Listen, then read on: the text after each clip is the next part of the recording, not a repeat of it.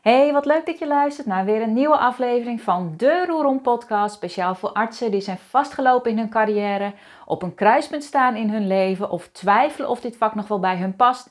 En daarom stiekem overwegen om het roer helemaal om te gooien naar een nieuw hoofdstuk in hun leven. Misschien wel helemaal buiten de medische sector. En in de Roerom podcast bespreek ik, zoals je misschien weet, allerlei onderwerpen die hiermee te maken hebben. En dan echt specifiek voor artsen. En uh, ook vandaag ga ik weer een onderwerp bespreken wat ik uh, vaak tegenkom in de coaching uh, die ik heb met artsen, maar ook in de intakegesprekken, ook in berichtjes die ik via LinkedIn krijg, mailtjes die ik krijg. En dat is ontslag nemen. Het is een enorme grote berg waar heel veel, nou dat zeg ik niet goed, niet heel veel artsen. Ik denk dat het ongeveer 50-50 is, want ik krijg ook artsen bij mij binnen die hebben ontslag genomen en ja, die hebben dat ook eigenlijk vrij moeiteloos gedaan. Die, die vonden dat eigenlijk prima om te doen. Maar er is ook een groep die dat als een enorme berg ervaart. Die er echt als een berg tegenop kijkt. Die echt denkt van, oh, hoe moet ik dat aanpakken? Wat moet ik dan zeggen in zo'n gesprek? Uh, hoe, maar ook, ja, wat gaan andere mensen hiervan vinden als ik dit doe? En er hangt natuurlijk ook altijd nog achter bij artsen dat, ja, als je dit eenmaal doet, is er dan ooit nog wel een weg terug? Dus um, nou, in deze podcast ga ik zes tips met je delen um, ja, waar je hopelijk wat aan gaat hebben. En mocht jij uh, op mijn mailinglist staan ingeschreven, dan heb je deze tips waarschijnlijk al een keer in je inbox gekregen. Maar in deze podcast ga ik er uh, nog wat dieper op in. Dus uh, blijf vooral luisteren als je, dit, ja, als je nog steeds met dit onderwerp rondloopt. Um, mocht je nu denken mailinglist, vind je dat interessant, dan moet je even naar www.tinekeplat.nl slash gratis-online-college gaan.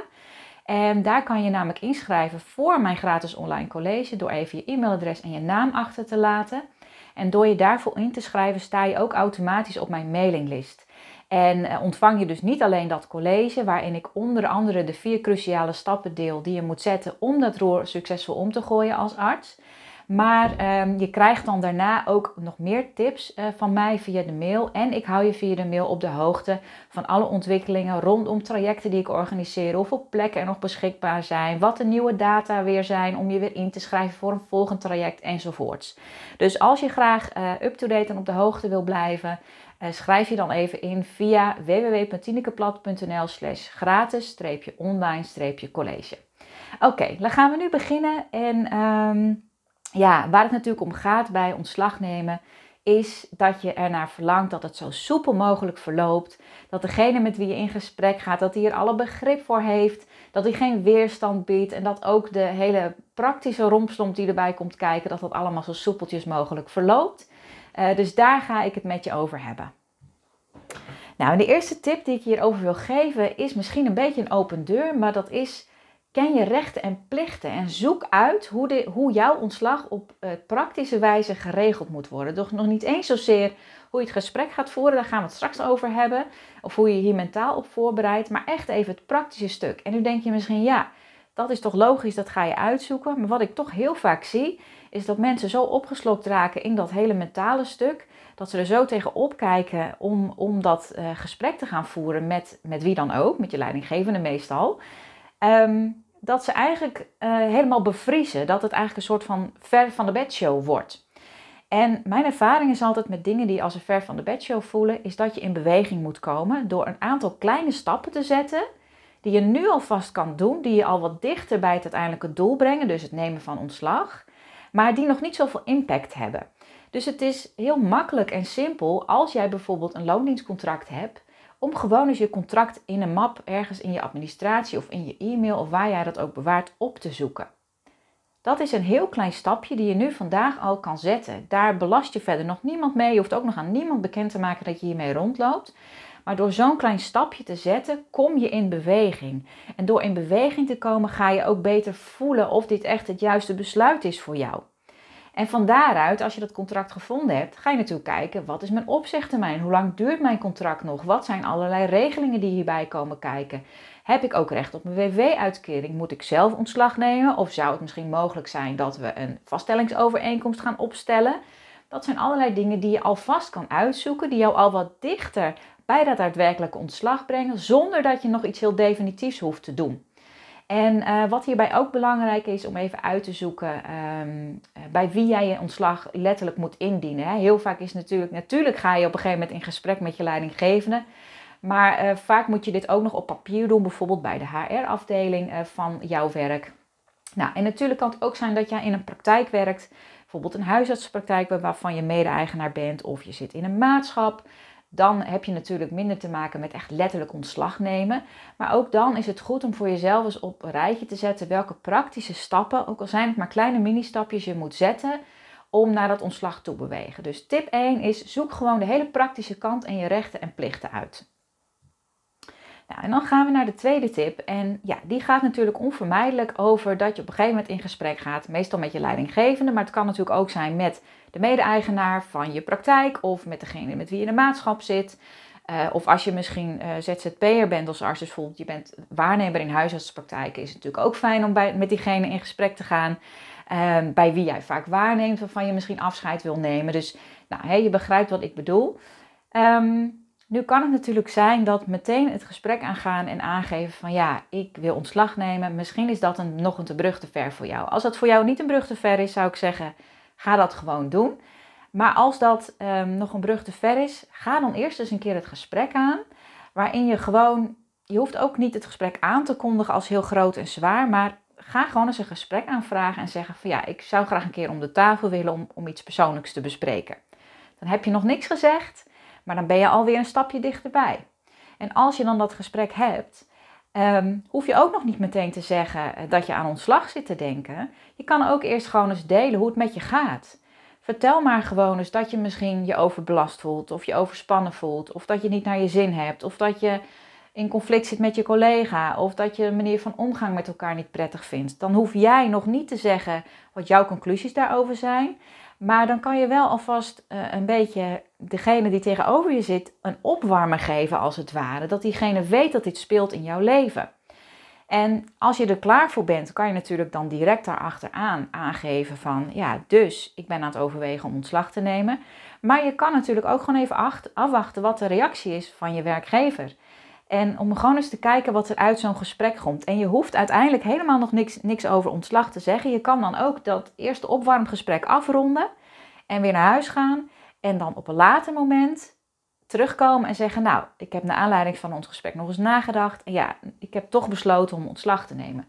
Dan is het gat van een, een leidinggevende of een, of een mede-eigenaar van iemand die helemaal gelukkig lijkt naar iemand die zich doodongelukkig voelt en ontslag wil nemen, is wat minder groot. En dan heb je ook de kans dat de reactie van de andere partij wat minder heftig is.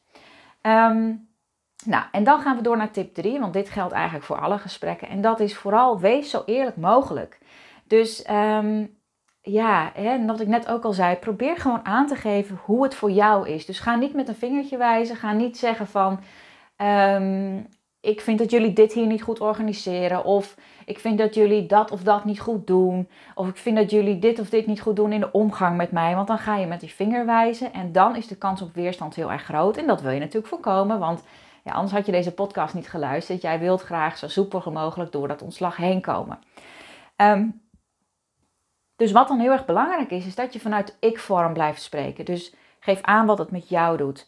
Ik vind het niet prettig in deze werkomgeving op het moment dat dit en dit en dit gebeurt. Of ik voel me er niet prettig bij als jij dit of dit of dit zegt. Dan hou je het bij jezelf en dan zul je ook zien dat die ander ook op een andere manier op jou gaat reageren. En dat brengt me meteen bij de vierde tip en dat is ehm, blijf rustig. Want ik kan je nog zoveel tips geven en je hebt het straks allemaal netjes gedaan vanuit de ik-vorm. Je hebt misschien een opwarmgesprek gedaan, je hebt alles van tevoren uitgezocht, je bent supergoed voorbereid, je weet precies wat je wil zeggen. En dan toch komt er weerstand of kritiek of boosheid. Dat kan en dat mag er zijn. En bedenk ook van tevoren, calculeer alvast in dat dit kan gaan gebeuren. En weet ook dat het oké is dat het gebeurt. Want die weerstand, kritiek of boosheid heeft meestal helemaal niks met jou als persoon te maken. De andere partij kan nou eenmaal ervan schrikken van jouw nieuws. Die, en die mag hier ook boos over zijn. Laat die gevoelens bij die andere partij er zijn. En zorg ervoor dat je als het ware een muurtje om jezelf heen bouwt. Waardoor het niet bij jou naar binnen slaat. Maar laat die emoties bij die ander. Hetgene wat jij te vertellen hebt, kan nou eenmaal dit opwekken bij een ander. Al goed en al hoe mooi je het ook verpakt. En dat mag er ook zijn bij de ander. Dus ga niet te geforceerd proberen om dit soort emoties bij de andere partij uit de weg te gaan. Maar calculeer het vast in, dan kan het alleen maar meevallen. En als het er dan wel komt, ja, laat het gewoon gebeuren en zorg ervoor dat je op je plek blijft. En wat ik daarmee bedoel, is dat je je niet um, jouw verhaal of jouw eventuele besluit laat beïnvloeden vervolgens door de reactie van die ander. Want nogmaals, die reactie van de ander um, zegt iets over die persoon zelf en niet iets over jouw besluit. Maar daar kom ik straks in tip 6 nog even op terug. Maar dus probeer rustig te blijven.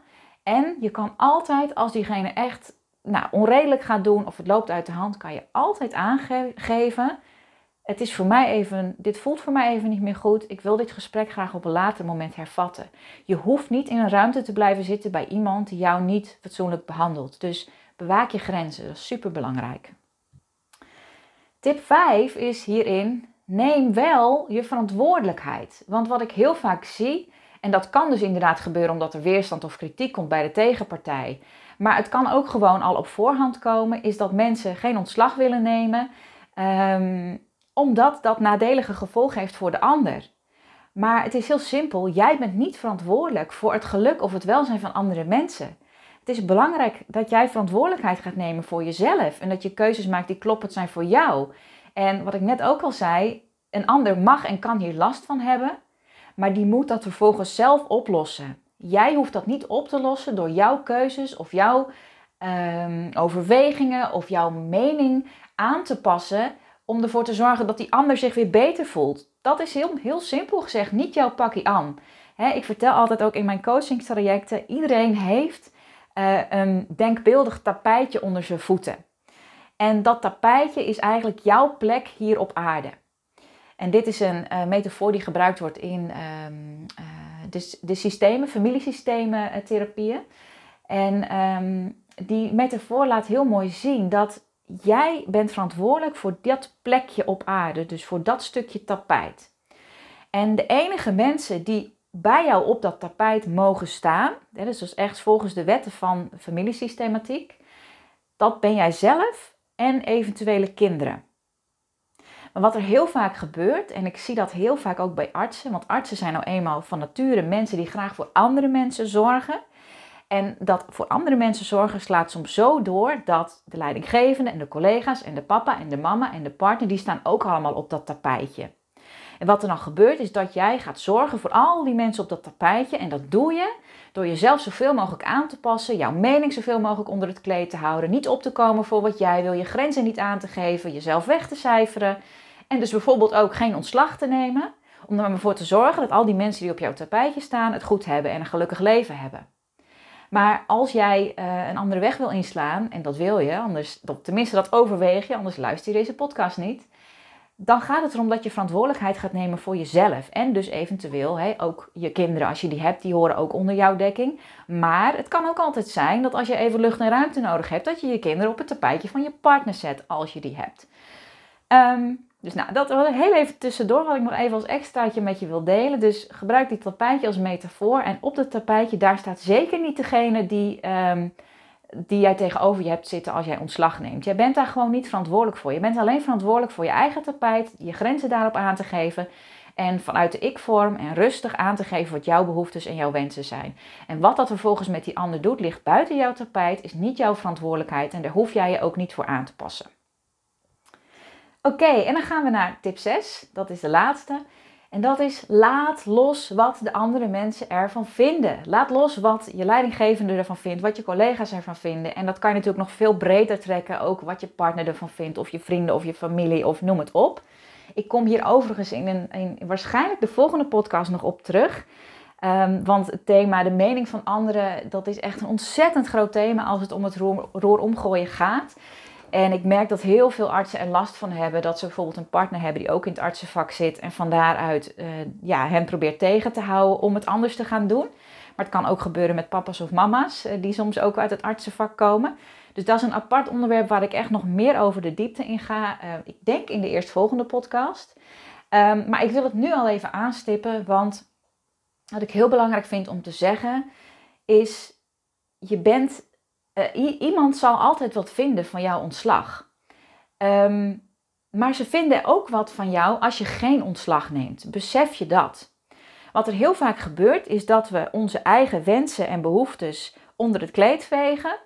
Ehm, dus in dit geval, je gaat maar geen ontslag nemen om jezelf te beschermen tegen de mening, de eventuele negatieve mening die een ander daar zou over zou kunnen hebben. Dus in dit geval je leidinggevende of je collega's, hè, want we hebben het over ontslag nemen.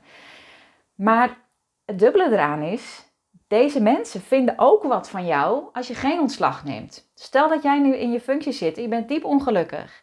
Iedereen ziet elke dag aan jou dat jij met wallen naar je werk toe komt, dat het helemaal niet goed met je gaat. Ze weten ook van je dat je thuis niet meer goed gaat, dat jij er niet genoeg voor je kinderen bent, eh, dat je in, in de clinch ligt met je partner. Ik dik het natuurlijk even een beetje aan, maar je snapt wat ik bedoel. Dat zien mensen ook, wat, dat zien mensen ook aan je en ook daar vinden mensen wat van. Mensen zijn oordeelmachines, die vinden altijd wat van je. Dus of je nou wel of niet ontslag neemt, er zal altijd een mening zijn. Je bent dus niet veilig voor de mening van anderen door maar niet in actie te komen. Dus het is heel belangrijk dat jij gaat doen wat jou gelukkig maakt. En ehm, besef je ook dat natuurlijk zullen er mensen zijn die het stom van je vinden om ontslag te nemen, maar er zullen ook mensen zijn die je gaan aanjuichen, toejuichen. Want dat heb ik zelf ervaren.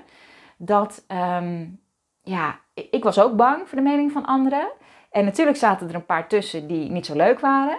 Maar de meeste mensen die vonden het super dapper van mij. En ehm, het is ook nog zo, wat jij verwacht, wat de ander van jou vindt, is meestal wat je eigenlijk over jezelf vindt.